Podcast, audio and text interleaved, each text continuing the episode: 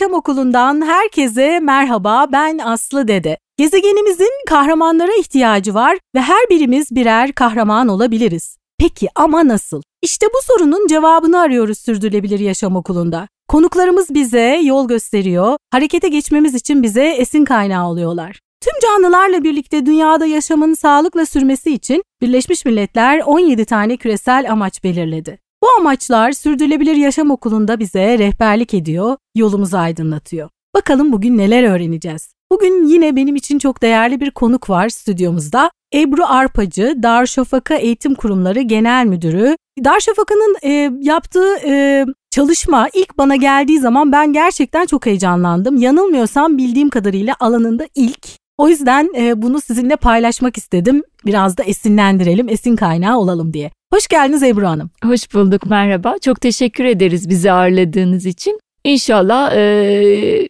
birer ilham e, perisi olarak tüm okullarımıza sürdürülebilirliği yaygınlaştırırız. Evet çok güzel harika. Okullarımızda sürdürülebilirlik çalışması yapanlar var ama hani rapor yayınlamışsınız siz. Bu benim gerçekten çok ilgimi çekti. Şimdi onu konuşacağız. Evet. Sürdürülebilirlik raporu üzerine konuşacağız sizinle. Şimdi benim geleneksel oldu artık. Her gelen konuğuma sürdürülebilirlik lafı da böyle çok sık kullanılır oldu. Hmm. Biraz da bilerek bilmeyerek de kullanılabiliyor. Tabii ki benim konuklarımın hepsi bunu çok bilinçli bir şekilde kullanıyor. Ama istiyorum ki her biri sürdürülebilirliğe nasıl bakıyor? Onun sürdürülebilirlik tanımı nedir? Hangi taraftan yaklaşıyor? Sizin sürdürülebilirlik tanımınız nedir? Merak ediyoruz. Evet sürdürülebilirlik e, hayatımıza çok fazlasıyla girdi. Hemen hemen her yerde bu kelimeyle karşılaşıyoruz.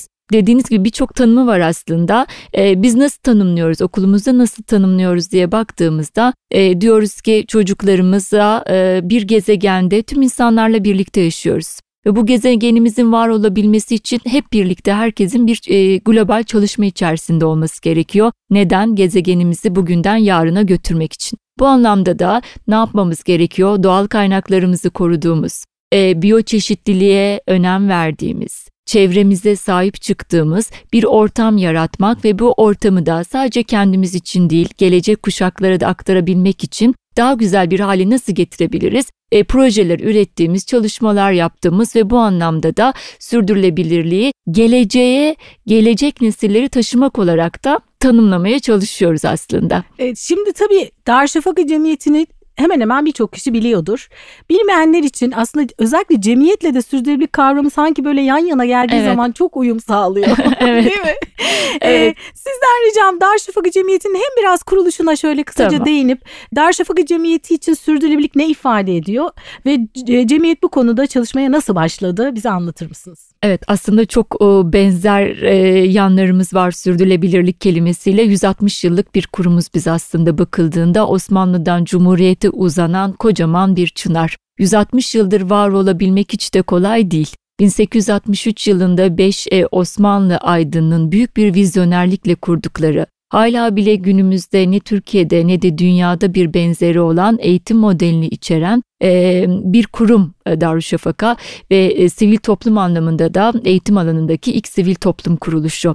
Tabii var olabilmek bir vizyonerlik gerekmekle birlikte bugünden 50 yıl sonrasını düşünmeyi de gerektiriyor. Bu anlamda bakıldığında hem Darüşşafaka'nın kurucuları hem Darüşşafaka'da çalışanlar hem Darüşşafaka gönüldaşları bugünden 15 yıl sonrasını 20 yıl sonrasını her zaman hayal ediyorlar. Biz 1863 yılında kurulduğumuzda ilk önce çırakların eğitimi nasıl olabilir diye bakılmış. Çünkü o dönemde bu gerekliymiş ama 1873 yılında tamamen bir eğitim müfredatına geçilmiş ve e, okullaşma sürecimiz başlamış. Sonrasında da 1920'li e, yıllara gelindiğinde savaş devam ettiğinde bile varlığını sürdürmüş, eğitimden hiç ödün vermemiş, Cumhuriyet'in de en köklü eğitim kurumlarından birisi olmuş. Bu anlamda da aslında Darüşşafaka devam etmek değil, değer yaratarak devam etmeyi kendine vizyon edinmiş, e, düstur edinmiş bir kurum diyebilirim size. Sürdürülebilirlik aslında geleceğe dair vizyon ortaya koymak ve geleceğe dair koyulan bu vizyonla bir değer yaratabilmek. Biz öyle görüyoruz. Bence 1863'ten 2023'e 160 yıl Cumhuriyet'te yaşayan, yaşanan bir yüzyıl konulan değerlerle aslında varlığını devam ettirmiş. Bunun içinde tabii Darüşşafaka'nın şöyle bir özelliği var. Darüşşafaka çok güvenilir bir kurum. halkın gözünde bu güvenilirlikle varlığını devam ettirmiş. Güvenilirliği günümüzde nasıl sağlıyoruz ve sürdürebiliyoruz diye bakıldığında her şeyimiz şeffaf, adil ve e, herkesin görebileceği şekilde raporlanıyor. Hani siz biraz önce dediniz ya ilk raporu hazırlamış, entegre anlamında da sivil toplum kuruluşları arasında ilk raporu hazırlayan kurumlardan bir tanesiyiz biz ve kendini bu anlamda derecelendiren ve derecelendirme kuruluşundan da uluslararası derecelendirme kuruluşundan da en yüksek puanı alan bir sivil toplum kuruluşuyuz. Sürdürülebilirlik öncelikle yaptığınız işi insanlara iyi yaptığınızı anlatmakla başlamış. Biz yaptığımız işi iyi yapıyoruz, anlatıyoruz, değer yaratıyoruz ve böylelikle de sürdürülebilir oluyoruz diye düşünüyorum. O kadar güzel anlattınız ki böyle hiç susmayın devam edin istiyorum. ee, sağ olun. Tabii Darüşşafaka olunca o kadar çok anlatılacak şey var çok ki. Gönül, yani gönül, gönülle çok bağlantılı bir e, evet, kurum. Yani sürdürülebilirliğin içerisinde ne var diye şöyle bir baktığımızda nitelikli eğitim diyor. Şimdi nitelikli eğitim ve Darüşşafaka o kadar birbiriyle özdeşleşmiş ki aslında eğitim kurumlarının nitelikli eğitim yapabilmesi bence çok önemli. Darüşşafaka'nın da birinci e, kuralı bu. Yapacaksak bir şeyi iyi yapalım, nitelikli eğitim yapalım. Nitelikli eğitimden kasıt ne? Geleceğin dünyası bizden ne bekliyor? Şu anda ne yapmalıyız? Geleceğin dünyası için ne yapmalıyız? Nasıl bir nesil yetiştirmeliyiz? Bunun için ne yapmamız lazım? Veri topla, veriyi biriktir, kendini ölçümle, en iyi öğretmenlerde bunu bul, getir, eğitim programı yarat ve yarattığın bu eğitim programı da seni ileriye götürsün. E, bu. E, peki ne var? E, sürdürülebilirliğin içerisinde ana başlıklara bakıyorsunuz. Eğitimde fırsat eşitliği zaten misyonumuz bu. Evet. Yani 1863 yılından beri e, eğitimde fırsat eşitliği misyonunu hiçbir zaman bırakmamış. Türkiye'nin güzel çocuklarına e, güzel eğitim vererek devam etmiş. Biliyorsunuz Darüşşafaka'da eğitim alabilmek için bazı şartlar var. Yani ben hep şey diyorum. Allah kimseyi Darüşşafaka'da okumaya nasip etmesin ama çocuklarımızın başına anne ya da baba kaybı bir şekilde geldiyse ve bunu yaşıyorlarsa e, okuyabilecekleri en güzel okul.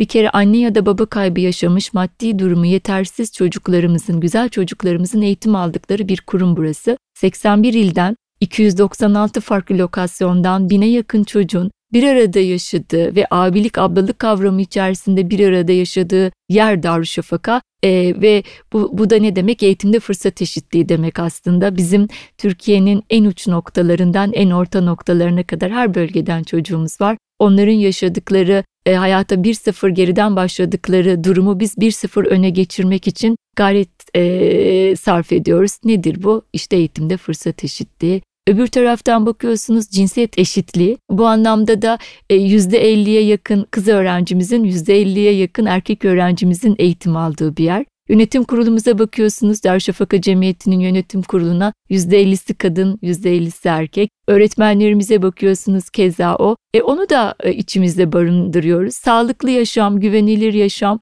e, e, bunun içinde tabii ki sağlık bizim için çok önemli. Sadece Darüşşafaka eğitim kurumları değil, Darüşşafaka'nın rezidansları da var. Evet. E, bizim e, çok güzel gönlü, çok büyük bağışçılarımız var. Onlar rezidanslarımızda çocuklarımız iyi eğitim alsınlar diye bulunuyorlar. Biz de onlara en konforlu yaşamı sunma gayretinde oluyoruz. Onlara da sağlıklı bir ortam sunuyoruz. Okulumuzu sağlıklı hale getiriyoruz, güvenli hale getiriyoruz. Bu şekilde de e, sürdürülebilirliğin güzel örneklerini verme gayretinde Çok oluyoruz. Güzel.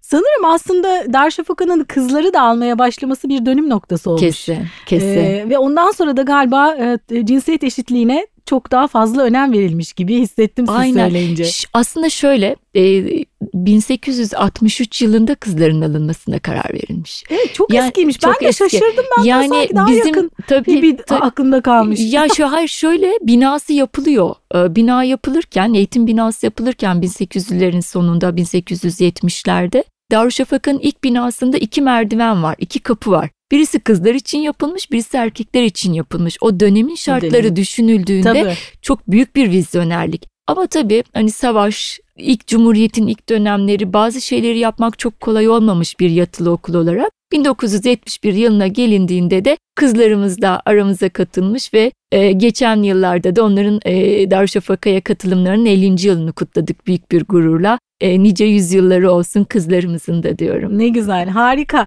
Bugüne kadar sürdürülebilirlikle ilgili neler yapıldığına biraz e, değindiniz aslında. bir sürdürülebilirlik modeli diye belirttiğiniz bir model var. Ben raporunuzu da inceledim bu arada rapora da değineceğiz zaten. Bu model zaten aslında bunları anlata anlata yavaş yavaş rapora da gelmiş olacağız Evet. herhalde. Evet. Bu sürdürülebilirlik modeli nedir size göre? Darüşşafaka'nın sürdürülebilirlik modeli. Darüşşafaka'nın sürdürülebilirlik modeli şu. Bir kere yani sürdürülebilirliği kurum olarak nasıl tanımlıyorsunuz? Global bir tanımı var sürdürülebilirliğin. Ama biz sürdürülebilirlikten ne anlıyoruz? Darüşşafaka olarak bir, iyi eğitim yapacağız. İyi yaptığımız eğitimde açıkçası çocuklarımızda öyle bir altyapı oluşturacak ki doğayı korumayı, biyoçeşitliliği korumayı, sahip çıkmayı, çevreyi korumayı çocuklarımıza öğreteceğiz. Bunu müfredatın içerisine bir şekilde yerleştiriyoruz biz. İlk önce kendi tanımımızı yapıyoruz. Ne anlıyoruz bundan? Bu kendi tanımımızı yaptıktan sonra global tanımın içerisinde nerede yer alıyoruz? Ondan sonra da bunu müfredat programının içerisindeki konularımıza yerleştiriyoruz. Ve bundan sonra da ne yapıyoruz? Yaptığımız tüm sosyal sorumluluk projelerinde, okulumuza yaptığımız tüm fiziki yatırımlarda bunu göz önüne alıyoruz. Mesela bizim için dijitalleşme çok önemli. Sürdürülebilirlik anlamında yaptığımız çalışmalardan bir tanesi. Neden? Kağıdı, israfı bir şekilde ortadan kaldırdık. Evet. Yani bu anlamda bakıldığında. Öbür taraftan e, diyoruz ki değer ne katıyor? Sürdürülebilirlik anlamında yaptığınız projeler nasıl bir değer katıyor? İşte teknolojiye yatırım yaptın mı? Senin verdiğin eğitim çocuğu ileriye taşıdı mı? Buna bakıyoruz. E ondan sonra fiziki ortamımıza bakıyoruz. E, ne kadar az ışık elektrik kullanırız. Buna göre fiziki ortamlarımızı düzenliyoruz. Yağmur sularını nasıl topluyoruz? E, buna bakıyoruz. E, israf kesinlikle e, ele aldığımız e, bir durum. Çünkü biz yatılı da bir okul olduğumuz için çocuklar işte normalde bir okula giderler. E, akşam 3-4 gibi evlerine giderler. Bizde yaşam 3'ten 4'ten sonra başlar. Bu yüzden de israfı en aza indirmek, yediğimiz yemekten e, yaptığımız temizliğe kadar e, bunların hepsini hayatımızın bir parçası haline getiriyoruz. Yani aslında bakıldığında sürdürülebilirliği ilk önce tanımlamak, sonra tanımladıktan sonra da içine ve programımıza yerleştirmek bizim ana e, noktalarımız oldu. Şimdi siz bunu söyleyince e, şunu fark ettim. Şimdi genelde okullar aslında çocuklara e, sürdürülebilirlikle ilgili bilinç kazandırma yolunda çok iyi adımlar atıyorlar. E, ama benim hep duyduğum, e, sık sık duyduğum şeylerden biri e, iklim krizinden söz ediyoruz ama çocuklarda bir umut krizi de gündemde. Doğru. E, bunun sebeplerinden biri de deniyor. E, çocuklar okulda bu bilgiyi aldıktan sonra eve geldiklerinde ebeveynlerinde aynı bilinci ve aynı hareket yani o, o bilinçe yönelik hareketi görmeyince bu sefer bir e, farklı da e, yönelişleri oluyor. Evet. Ya hiç umursamıyorlar. Hı hı. Zaten bir şey yok. Nasıl işte öğretmenler bunu söyledi ama annem babam zaten yine hep e, aynı davranıyor. Bir değişiklik yapmıyor. Demek ki de bir şey olmayacak. Ya böyle çok vurdum duymaz oluyorlar ya da çok fena bir umutsuzluğa kapılıyorlar. Doğru. İşte öğretmenlerim bana doğruyu söyledi. Dünyada böyle şeyler var işte adım atılması gerekiyor ama eve geliyorum annem babam bunları yapmıyor. Doğru. Ama şimdi sizin o hep okulda hani ortam hep aynı ortam olduğu için aslında o çocuklar orada gerçekten onu daha iyi içselleştirebilirler Kesinlikle. gibi geliyor bana. Kesinlikle. O yüzden sizi dinlerken onlar bence bu konuda e, elçiler olacak belki değil mi? Evet ya aslında sürdürülebilirlik kesinlikle kolektif bir şey. Yani e, sizin yaptığınız bir noktaya kadar ama başkası yapmıyorsa aslında e, eriyip gidebiliyor yaptıklarınız. Ama tabii Darüşşafaka şöyle bin kişilik bir yerde herkesin bir arada yaşadığı kocaman bir aile. Evet. Ee, bir de tabii toplum baskısı var. Yani bir çocuk bir israfta bulunduğunda, yemeğini masasında bıraktığında arkadaşı uyarıyor onu. Şimdi evde anne ya da babanın uyarması başka, arkadaşın uyarması başka. Akranlığın Ak- uyarması a- var. Aynen akranın uyarması farklı bir de birbirlerinden görerek o kadar çok Hı. şeyde öğreniyorlar ki e, o yüzden bizim işimiz biraz daha kolay ama ne oluyor bizim çocuklarımız da mezun olup gittiklerinde aynı şeyi onlar da yaşıyorlar ama yaş belli bir noktaya geldiği için onlar değiştirmeye devam ediyorlar. Biz şöyle diyoruz ya çocuklar sizin Darüşşafaka'da kazanacağınız en büyük değer aslında kendinize kattığınız en büyük değer şu olmalı. Siz değiştirecek olan kişilersiniz. Biz sizi öyle bir şekilde yetiştiriyoruz ki e, Türkiye'nin ve dünyanın lider kadroları için ne yaparsanız yapın önemli değil. Ama bir şeyleri değiştirmek için çaba sarf edin. Ve hep böyle oluyorlar ve çok fazla yorumluyorlar, e, eleştirisel düşünce kazanıyorlar ve değiştirmekten yana bir kaygıları oluyor. Neden? Şimdi siz bir çocuk geliyor, bir köyden geldiğini düşünün, internetin bile çekmedi. Siz ona Darüşşafaka'da tablette dijital bir eğitim veriyorsunuz. O çocuk köyüne gittiğinde köyünü değiştirmek için zaten çaba sarf ediyor. Değişim onun hayatının bir parçası oluyor aslında. O yüzden değiştirmeye çok hazır bir nesil yetiştiriyoruz diyebilirim. E, şimdi sürdürülebilir yaşam kültürü oluşturmamız gerekiyor diyoruz biz hep. Evet. Onun için de önce farkındalık oluşacak. Ardından e, harekete geçeceğiz. Değişim başlayacak. Evet. E, ve dönüşüm başlayacak. E, ondan sonra da paylaşacağız. Davet edeceğiz evet. herkesi çoğalsın diye. Şimdi o zaman sizin öğrencileriniz aslında değişime çok e, esnek bu konuda çok daha e, evet. e, yetenekli olduklarından aslında sürdürülebilirlik konusunda da yani o değişimi gerçekleştirecek kişiler gerçekten. Şimdi Aynen. Bir kez daha bir de evet şunu da ettim. söylemek isterim. Ee, öğrenci ama öğretmen de çok önemli. Yani öğretmenin de bu bakış açısında olması Tabii. gerekiyor. Yani e, okullardaki eğitim liderleri çocukların yanında yürüyen kişiler onlara ilham olan kişiler diyeyim. Artık hani öğretmenlik mesleği de değişiyor çünkü ilham olan kişiler e, öğretmenler öğretmenlerin de ilk bu noktada adım atan kişiler olması gerekiyor. Topyekün bir değişimin ve sürdürülebilirlik anlayışının içinde olacaksak okullar birinci yerler, öğretmenler, e, öğrenciler, öğrenciler vasıtasıyla da aileler, aileler vasıtasıyla da şehirler, ülkeler e, diye tanımlayabiliriz evet, aslında. Evet, çok güzel. Şimdi e, aslında şunu da düşündüm ben sizin raporunuzu incelediğimde. Şimdi kurum zaten sürdürülebilirlik ilkelerine çok yakın e, çalışıyorsa şimdi çünkü Birleşmiş Milletler'in sürdürülebilir kalkınma amaçları işte 2015 yılı itibariyle gündeme geldi. İşte rapor hazırlama hmm. ya da 17 amaç gündeme evet. geldi. Ama şimdi eğer kurumlar zaten o e, ilkelere çok yakın başlamışlarsa çalışmalarına, o ilkelere çok yakın gidiyorlarsa aslında onlar için rapor hazırlamak da çok zor olmuyor. Aynen. Sizin raporu okuduğum zaman onu hissettim ben. Aynen. Yani hani zaten ya, o kadar yakın şeyler yapmışsınız ki raporu hazırlarken de onları bir araya getirip e, ilkelerle bağlantılayarak, Bağlan, e, amaçlarla, sürekli kalkma amaçlarıyla bağlantılayarak e, çok güzel özetlemişsiniz evet, aslında. Aslında şimdi bu biraz kurumsal yönetim anlayış, yönetişim anlayışıyla da çok bağlantılı. Yani hazırladığımız o raporun arkasında da yönetim anlayışımız var, yönetişim anlayışım, anlayışımız var aslında. Ne bu anlayış? Bir, veriyle çalışacaksın. Çünkü biz yaptığımız her çalışmayı neden bunu yapıyoruz?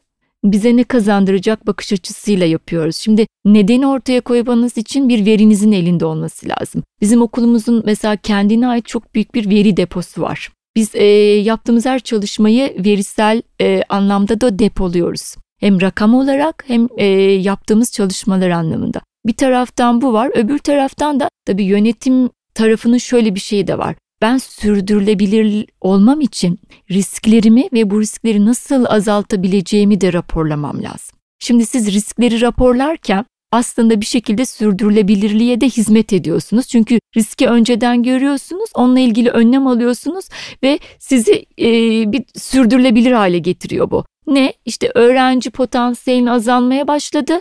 Dikkat et risk. Şimdi bununla ilgili bir şey yap gibi. Ya da bir mali tablolarına bak. Mali tabloların seni en az 5 yıl 10 yıl bu çocukları okutacak durumda olmalı. Dön bu senin risk olarak karşına çıkabilir bunu düzelt. Mali tablonu düzeltmen için enerji verimliliğine bak gibi o kadar çok birbiriyle bağlantılı şey var ki risklerinizi biliyorsunuz, risklerin e, nasıl önlem alacağını biliyorsunuz. Mesela kurumsal e, yapıların kesinlikle bir risk analizlerinin olması lazım. Sürdürülebilirlik için olmazsa olmaz bir veri depo, depolarının olması lazım olmazsa olmaz. Yani sürdürülebilirliği sadece global bir yaşam içinde doğal kaynakları korumak olarak algılamamak da lazım. Sürdürülebilirliğin bu tarafına da bakmak lazım. Eğer o tarafınızı iyi yönetiyorsanız zaten öbür taraftan da o doğal kaynağı korumak için de adımlar atıyorsunuz anlamına geliyor. Çok güzel özetlediniz. Bence şu şu an az önce söylediklerinizi eğer özellikle eğitim kurumları ya da bir STK'lar dinliyorsa yani sizinle bağlantılı olarak söylüyorum. Çünkü sizde bir STK tarafı bir de eğitim kurumu var. Evet. Ama aslında şirketler için Şirket, de aynı şey geçerli. Kesinlikle. Sonuçta risk yönetimi aslında kesinlikle. bu. Yani bu lüks, lüks değil. Ee, evet dünyada hep beraber bütün canlılar sağlıkla yaşayalım diye biz bunu yapacağız ama siz kurumunuzun devam etmesini istiyorsanız eğer evet. bunu yapmak zorundasınız. Zorundasınız. Yani elektriğinizi yeri geldiğinde yani ileride e, şeyde dünyada elektrikle ilgili bir sıkıntı olabilir. O zaman sen güneş enerjisine geç. E, bütün çatılarını güneş panelleriyle donat e, enerjiyi oradan kullanabil diyebilecek bir e, risk çıkartıp bunu raporlaması lazım kurumların. E, bu, bunlar çok önemli. Su azalıyor, yağmur sularını depolaman lazım. E, buna dikkat et e, diyebilmeliyiz diye düşünüyorum. Şimdi aslında sürdürülebilirlik etki raporu hazırladınız. E, bu raporu ilk hazırlarken bu ilkini hazırladınız değil mi? Evet ilkini hazırladı. E, hedeflediğiniz bir şey var mıydı? Yani yönetim mi istedi bunu? Nereden çıktı? ya hep bir önce olmak var ya Darüşşafaka'da aslında bakıldığında burada da önce olmamız gerektiğini düşündük. Bu raporu hazırlarsak mezunlarımıza, bağışçılarımıza, iç ve dış tüm paylaş paydaşlarımıza, öğrencilerimize, öğretmenlerimize, belki milli eğitime, belki başka kurum ve kuruluşlara da önce olabiliriz diye düşündük. Aslında bizim hedefimiz yaptıklarımızı ve sürdürülebilirlik adına neler yapılabileceğini iç ve dış tüm paydaşlarımızla paylaşmaktı. E, buradan yola çıktık. Dedik ki biz yaptıklarımızı raporlayalım. Önce kendi paydaşlarımızla bunu bir paylaşalım. Ondan sonra da tüm kamuya açık hale getiririz. E, biz ne yapmaya çalışıyorsak doğru yanlış kendimize göre doğrular. E, bunları herkesle paylaşalım. Onlar da belki ilham alırlar ve bu anlamda çalışmalarına devam ederler diye düşündük. Zaten sürdürülebilirlik böyle bir şey. Yani kolektif çalışma diyoruz ya yaptığını kendinde tutma, raporla yayınla ki başkaları da bunu yapsın ve e, öylelikle değişime hep birlikte katkı sağlayalım. Peki e, herhangi bir raporlama yöntemi tekniği var mı kullandığınız? Bunu hangi yöntemleri kullanarak bu raporu hazırladınız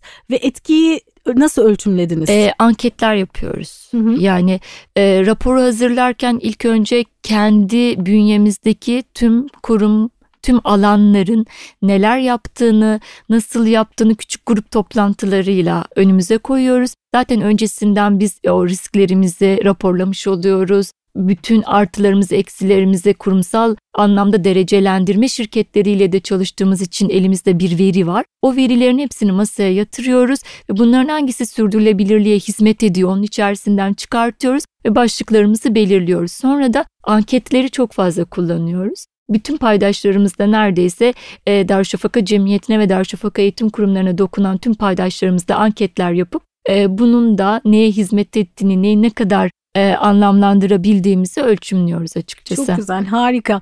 E, şimdi entegre sürdürülebilirlik raporu Dedi, dedik.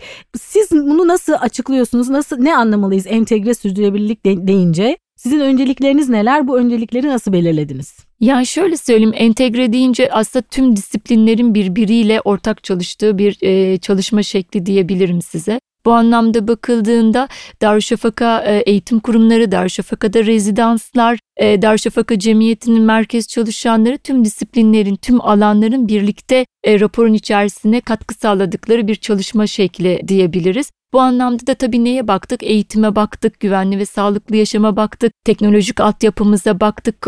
bu anlamda sağlıkla ilgili yaptıklarımıza baktık, daha neler yapabileceğimize baktık. Bunların hepsini ortaya koyduktan sonra disiplinler arası bir yaklaşımla da entegre raporumuzu hazırladık. Harika. Şimdi sürdürülebilir kalkınma amaçlarında dört nitelikli eğitim aslında anahtar bir e, evet. e, amaç diyebiliriz. Çünkü diğer bütün amaçlara hizmet eden böyle sanki çok e, kilit noktası gibi kilit evet. anahtar kilit gerçekten değerli. Bunu biraz daha böyle aslında bu konuya biraz daha değinmenizi rica edeceğim. Bir de öğrencilerin ve öğretmenlerin sürdürülebilirliğe yaklaşımı içeride bu hani biz raporu gördük ama orada işleyişte neler oluyor? Projeler mi hazırlıyorlar öğrenciler ya da öğretmenler ne yapıyor? Biraz da onları merak ediyoruz. Anladım. Ee, şöyle söyleyeyim bir kere nitelikli eğitim kavramı çok büyük bir kavram. Ee, yaş gruplarına işte ilkokulda ne anlam, ortaokulda ne anlam ya da çocuk ve yetişkin için ne anlam ifade ediyor buna bakmak lazım.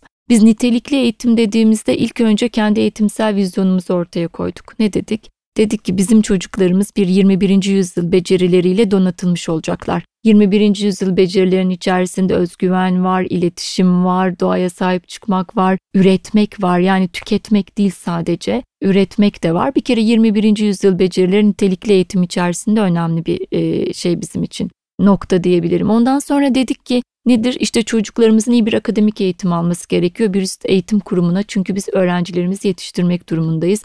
Bunun için eğitim programımızı nasıl değiştirmemiz gerekiyor? Dünya akademik eğitimden neyi anlıyor? Buna baktık ve akademik programlarımızı değiştirdik. Ondan sonra dedik ki bir yetenek temelli eğitim yapmamız lazım. Yani çocuğun yeteneklerini belirlememiz lazım ve yetenek alanlarına göre eğitimlerini düzenlememiz lazım. Yetenek alanlarını belirledik, yetenek atölyeleri kurduk ve çocuklarımızı bu anlamda eğitmeye başladık. Ee, oluşturduğumuz bütün çalışmaları ve programları yazılı hale getirdik. Prosedürler oluşturduk ki e, herkesin kendi kafasına göre değil ortak bir dille e, hizmet edelim diye. Öğretmen e, eğitim programı oluşturduk. Yani biz öğretmenlerimizi alıyoruz Darüşşafaka'ya götürüyoruz, getiriyoruz. Peki Darüşşafaka'da nasıl bir eğitim yapacaklar? Onların mesleki gelişim programlarını ve yetenek gelişim programlarını hazırladık. E, bu, bu da nitelikli eğitime bir şekilde katkı sağladı. Sosyal ve duygusal gelişim anlamında bakıldığında çocuklarımızın bu tarafının da çok güçlü olması gerekiyor. İyi bir rehberlik programı hazırladık. Rehber öğretmenlerimizi ona göre seçtik ve yaşam becerileri programı hazırladık psikolojik dayanıklılıktan e, tutun da hak ve sorumluluklara kadar başlıkları olan bir yaşam programı.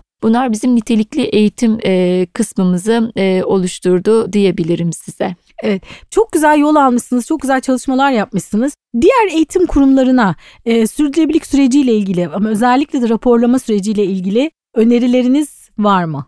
Bir kere Birleşmiş e, Milletler'in sürdürülebilirlikle ilgili oluşturdukları, oluşturduğu başlıkları bir önlerine alsınlar.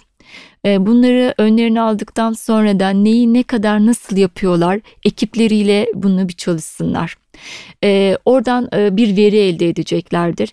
Elde ettikleri bu veri den sonra kendileri neler yapmalı bu başlıklar için onu ortaya koysunlar ve ondan sonra da bunu eğitim programlarına entegre etsinler derim. En güzel yol alabilecekleri noktalar akademik programlarının içerisinde mevsimleri işliyorlarsa dört mevsimi değil iklim değişikliğini de muhakkak işin içine koysunlar e, biyolojide e, çevreyle alakalı konuları daha zengin işlesinler. Yani e, bu anlamda bu başlıkları e, akademik programların içerisinde nasıl yapabilirler bir ona baksınlar. İkincisi de çocuklar artık proje yapmayı çok seviyorlar. Proje yapmak demek ebeveynin oturup bir şey kesip bir şey yapıştırması değil aslında. ee, ne çocuğun bir e, proje üretmesini sağlasınlar ve bunun da bu sürdürülebilirlikteki başlıklarla uyumlu ne yanları var çocuğa bu noktada ilham olsunlar ve öğretmenlerine de sürdürülebilirlik nedir? Kendileri bu anlamda neler yapıyorlar, kurumda neler yapmak istiyorlar, öğretmenlerinden dinlesinler, sonra da öğretmenlerine ödev versinler, desinler ki siz neler yapacaksınız, biz sürdürülebilirliğe katkı sağlamak istiyoruz, öğretmenler de bir çalışsınlar. Yani çok kolektif bir çalışma içerisinde kendi programlarını oluştursunlar derim. En rahat e, program oluşturabilecek yerler aslında eğitim kurumları. Yani bir holdingin bunu oluşturması çok kolay değil belki ama e, eğitim kurumları işi eğitim olan evet e, işi eğitim olan e, okullarımızın evet. e, ve işi e, çocuğa ilham olmak olan öğretmenlerimizin çok rahat yapabileceği e, çalışmalar bunlar. Uluslararası yayınlara çok baksınlar. Yani dünyada çok güzel örnekleri var yapılan çalışmaların. Oralardan ilham alsınlar. E, programlarının içerisine kazanım olarak değil ama etkinlik olarak çok rahat yerleştirilebilir, yerleştirebilirler. Yerleştirsinler. E, iklim oyunları var. Yani mesela biz o konuda çok öncüyüz. E, biz destek de olmak isteriz. Boğaziçi Üniversitesi ile birlikte eğitimde sistem düşüncesiyle iklim değişikliği üzerine bir oyun geliştirdik mesela biz. Ve hem öğretmenlerimiz hem çocuklarımız buna çok büyük katkı sağlıyorlar. E, eğitimde sistem düşüncesine yönelik çalışmalara baksınlar. Onun içerisinde sürdürülebilirlikle ilgili ve özellikle iklim değişikliği ile ilgili çok güzel çalışmalar var. Bunları önerebilirim. Aslında zaman ayrıldığı zaman açık kaynak olarak bu konuyla ilgili Birleşmiş Milletler'in evet. ya da başka kanalların o kadar çok bilgi var ki çok. E, rahatlıkla ulaşabiliyorsunuz. Yani zaman çok. ayırıp bir şekilde buna der, ders çalışmak gerekiyor. Evet ve e, çocukların e, yaşarken içselleştirerek bunu yapmalarını sağlamak lazım. Yani işte atıyorum X ülkede bu yapılmış ben bunu yapayım değil. Ben okulumda bunu yapabilir miyim? Ya da yaptığım bu çalışma benim çocuklarıma bir anlam katacak mı buna baksınlar. Yani sadece sloganlaştırılmış bir proje çalışması yapmak aslında e, hiç de bir şey katmıyor. Çocuklar için de yük oluyor, öğretmen için de yük oluyor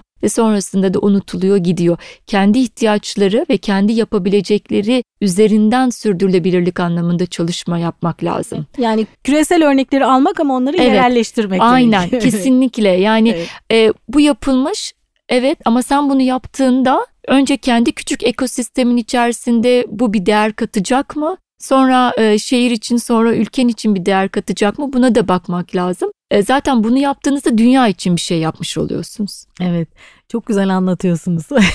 Sağ olun. Gerçekten bir eğitmen konuk olunca tabii daha farklı oluyor. Sağ olun teşekkür ederiz. Ee, peki yaşam boyu değer yaratma zinciri. Evet. Den de biraz söz edelim. Evet.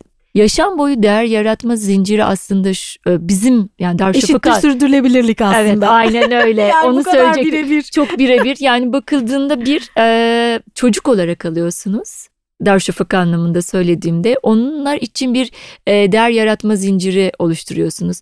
Nedir e, ortaokul çocuğu için değer yaratma? E, bakıldığında ben ona iyi bir akademik eğitimle birlikte e, enstrüman çalmayı öğreteceğim, işte atıyorum spor yapmayı öğreteceğim, atölye çalışmalarında bunu yapacağım gibi bir e, zincir oluşturuyorsunuz. Değer yaratma zinciri oluşturuyorsunuz. Sonra ergen oluyor. Bir ergen için nedir bu değer yaratma zinciri? Buna bakıyorsunuz. E, burada işte biraz daha teknoloji hayatımıza giriyor, dijitalleşme hayatımıza giriyor. Onlar bu anlamda değer yaratıyorlar. E sonra bak e, diyorsunuz ki e, bu değer yaratma zinciri içerisinde yaptığım sosyal sorumluluk projeleri nerede yer alacak? Onları ortaokul için ayrı, lise için ayrı oluşturuyorsunuz. Aslında nitelikli eğitimle yaşam boyu değer yaratma süreci ve sürdürülebilirlik üçünü aynı tanım diyebilirim. Biraz önce anlattıklarımla aslında aynı şeyler. Yaşam boyu değer yaratma eşittir sürdürülebilirlik diyebiliriz aslında. Evet, evet, evet.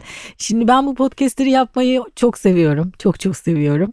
Çünkü gerçekten böyle sizin gibi insanları dinleyince ben benim böyle umudum canlanıyor, çoğalıyor. çok iyi hissediyorum kendimi. Çünkü gerçekten işini iyi yapan, e, umutla yapan, severek yapan, vizyoner cesaretli insanları görmek beni gerçekten mutlu ediyor. Çok güzel bilgiler verdiniz. Eminim çok güzel esin esin kaynağı oldunuz. Ben açıkçası bunu hissettim şu an burada. Sağ olun. Sizi dinleyen pek çok kişiye yol gösterdiniz yollarını aydınlattınız. Çok teşekkür ediyorum Biz size. teşekkür ederiz. Ee, şimdi son olarak da size sormak istediğim sürdürülebilir yaşam kültürü oluşturmak gerekiyor diyoruz biz hep. Bunu da tabii bütünsel bakmak gerekiyor. Yani okullarda çocuklar, üniversitelerde gençler, evlerde anne, ebeveynler, e, kurumlarda çalışanlar aslında toplu bir değişime ihtiyacımız var. Bu sürdürülebilir yaşam kültürünü sizce nasıl oluşturabiliriz? Tabii okul belki merkez diyebiliriz. E, ve siz kendiniz ben bir de konuklarıma hep kapanışta da bunu soruyorum. Şimdi bu kadar çok konuştunuz konuştunuz sürdürülebilirlik dediniz dediniz dediniz. Peki siz ne yapıyorsunuz? Kendi özel hayatınızda sürdürülebilir yaşam için değiştirdiğiniz yaşam alışkanlıklarınız var mı? Siz ne yapıyorsunuz? Bir de böyle esin kaynağı olalım. Anladım. E, tabii şöyle bunu söylüyoruz ama kendimiz örnek olmadığı sürece de çok da bir anlam e, taşımıyor. Öncelikle kendi yaşamım anlamında hani söylersem artık e, suyu çok e, yerinde ve zamanında kullanıyorum. Yani böyle çok musluklarımı açık bırakmıyorum. Kağıdı e, olabildiğince az kullanmaya başladım. E, dijital anlamda kendime dijital bir hayat da bu anlamda e, yaratmaya başladım. Yolda yürürken ya da işte bir market alışverişine gittiğimde insanları uyarmaktan e, çekinmiyorum. Çünkü bunun dünya için olduğunu düşünüyorum. Naylon e, torba kullananlar varsa ya bundan vazgeçelim mi demekten e, çekinmiyorum. Bunu artık açıkça söylüyorum. Yani kendi hayatımı da sürdürülebilirlik üzerine bir şekilde yani çevresel anlamda böyle kurgulamaya çalışıyorum. Belki de birçok insanımız şu anda bunu yapıyor. Ee, ama öbür taraftan da değer katmak anlamında e, bakıldığında ben bir kişi olarak nasıl bir değer katıyorum? Yönetici anlamında değil, e, yaptığım hangi çalışma değer katıyor? Mesela ben aslında psikolojik danışmanım, psikoloji mezunuyum. E, rehber öğretmenlerimizle hazırladığım yaşam programını bizzat oturup onlarla birlikte hazırladım. Bu benim için bir e, değer aslında. Bir alanla ilgili bir değer yaratma kaygım var ve e, değer yaratmaya bir anlamda e, çalışıyorum. Bu e, çok önemli noktalardan bir tanesi e, kendi hayatım anlamında e, söyleyebileceğim. E, bir de tabii bakıldığında konuşmalarınızın bile hani buna e, evrilmesi e, gerekiyor. Konuşurken de arada e, dünyaya, çevreye, iklime ve değer katmaya ilişkin e, şeyler söyleme gayretinde oluyorum ve sağlıklı yaşama dair, güvenli yaşama dair söylemlerimiz var. Yani sağlıklı yaşamdan az bahsettik ama bence sürdürülebilirlik için sağlıklı yaşam da çok önemli. Konforlu yaşam bu anlamda sağlıklı ve konforlu yaşam kendi adıma da bunları düzenleme gayretinde oluyorum açıkçası. Aslında bu soruyu sizin gibi birine sormak biraz şey zaten sizin okulda yaptığınız projeler e, değer katıcı birçok şey yapıyorsunuz. Aslında siz birey olarak hani kendi kişisel yaşam alışkan. Ben ben bir de kendimi şöyle çok yakalıyorum mesela. Bunları çok sürekli konu, konuştuğum için konuşuyorum bazı kendi kendime bazen. Diyorum ki Aslı o kadar sürdürülebilirlik diyorsun bak bunu niye yine böyle yaptın evet, diyorum evet. bazen. o, ama o hep oluyor yani e, o hayatımızın bir parçası. Bir de tabii e, eskiden e, çok veriyle e, değil e, duyguyla konuşan bir insandım ben. Yani e, belki de psikolojinin getirdiği bir şey. Çok da severek okudum alanımı. Böyle çok hani ya üzülürler mi acaba şimdi tamam bunu yapmaktan vazgeçelim filan e, noktasına geldiğim çok olmuştur. Ama bu çalışmalar, sürdürülebilirlik çalışmaları, raporlamalar ve veriyi kullanmayı başladıktan sonra artık şöyle demeye başladım. Ya evet duygu olarak insanlara dokunmak çok önemli. Onu başka şekilde telafi edebiliriz ama bir de veriyle konuşmak çok önemli. Yani bir insanı sevdiğiniz için onu bir noktaya getirmek değil, yapabildikleri için bir noktaya getirmek noktası. Bunu da veriyle ortaya koymak lazım. Mesela ben bir okulda okul yöneticisi olacaksam beni neden seçtileri kurumumla konuşmayı çok isterim. Yani hangi çalışmayı yaptığım için. Sevdikleri için değil de. Değil de e, diğer e, veri olarak da yani sen 6 tane makale yayınlamışsın 10 tane proje ortaya koymuşsun. Yaptığın bu 10 proje e, şöyle bir değer katmış. Onun için biz seni seçtik. Sadece insanlar seni sevdiği için değil. Bence tüm dünyanın ve ülkemizin artık bu noktaya gelmesi lazım. Yani veriye, niteliğe odaklanmamız lazım ve yaptığımız çalışmaları raporlamamız lazım ki gelecek kuşaklar iyi gördüklerini devam ettirsinler, kötü gördüklerini de değiştirmek için çaba sarf etsinler. Evet. Artık hesap verme zamanı değil mi? yani evet e, hesap vermek e, midir ya da yaptıklarımızın ne kadar geleceğe hizmet ettiğini ya da bizi ileriye götürdüğünü sorgulamak diyelim buna. Yani hesap verebilirlik çok önemli ama sorgulayabilmek de çok önemli. Gelişebilmek için. Gelişebilmek evet. için. Evet. Çok güzeldi. Harikaydı verdiğiniz bilgiler. Gerçekten doyamıyorum sizi dinlemeye güzel anlattınız. Tekrar çok teşekkür ediyorum. Hem geldiğiniz için hem bizimle paylaştığınız için hem de yaptığınız bu çok değerli çalışmalar için. Hmm, ben çok teşekkür ediyorum. İnşallah daha güzel bir dünyada değer katarak yaşamaya devam ederiz. İnşallah. Efendim bir bölümün daha sonuna geldik. Bu bölümü bitirmekte zorlanıyorum. Çok keyifliydi. Bugün kimdi konuğumuz? Ebru Arpacı. Darüşşafaka Eğitim Kurumları Genel Müdürü e, bir e, rapor yayınlamışlar sürdürülebilirlikle ilgili. O rapor üzerinden yaptıkları sürdürülebilirlik çalışmalarını e, konuştuk bu bölümde. Bize nasıl ulaşabilirsiniz? Sosyal medyadan Sürdürülebilir Yaşam Okulu yazarak ya da sürdürülebiliryaşamokulu.com adresinden bize ulaşmanız mümkün. Ben Aslı Dede bir sonraki bölümde buluşmak üzere demeden önce başta ne söylemiştik? Tüm canlılarla birlikte dünyada yaşamın sağlıkla sürmesi için gezegenimizin kahramanlara ihtiyacı var ve o kahraman sen olabilirsin. Harekete geç.